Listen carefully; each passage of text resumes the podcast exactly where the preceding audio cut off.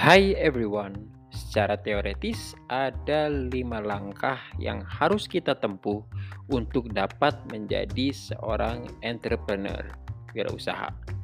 Langkah pertama, kenali dirimu.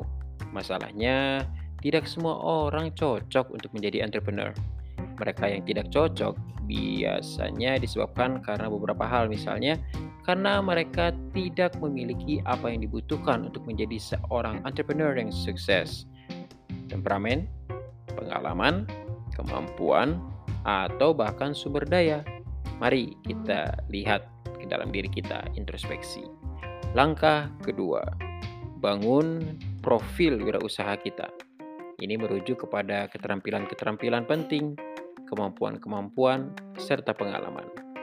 Langkah ketiga, identifikasi entrepreneurial gap atau jurang kewirausahaan.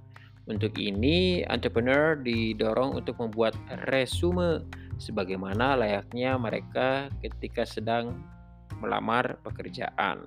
Manfaat membuat resume adalah satu, memaksa entrepreneur untuk mendokumentasikan apa yang mereka tawarkan. Kedua, di saat yang sama menyiapkan apa yang harus mereka sediakan bagi investor atau bank.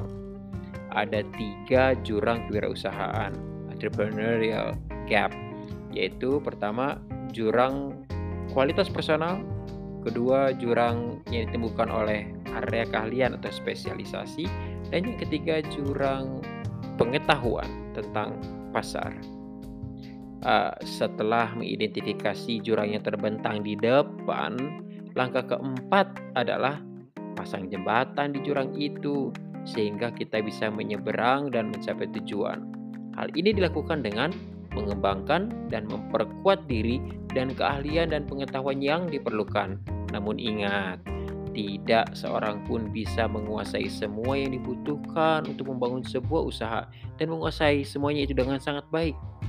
So, pilih apa yang harus di uh, apa yang bisa dan mau untuk ditingkatkan, dimaksimalkan dan kembangkan itu. Do your best, do our best. Langkah kelima, lengkapi keterampilan dan kemampuan kita masing-masing, kembangkan diri dan perkuat kualitas-kualitas yang mendukung kesuksesan. Seperti poin yang keempat tadi ya, langkah keempat tadi ya, dan yang tidak kalah penting, Ya, waktu untuk terbang solo itu sudah tidak ada lagi sekarang. Sekarang kalau kita mau sukses, kita butuh untuk bekerja dalam tim. So, kelilingi diri kita dengan orang-orang yang memiliki kemampuan yang tidak kita miliki. Okay, that's it I guess for now. Thank you very much for listening. Semoga bermanfaat. Goodbye everybody.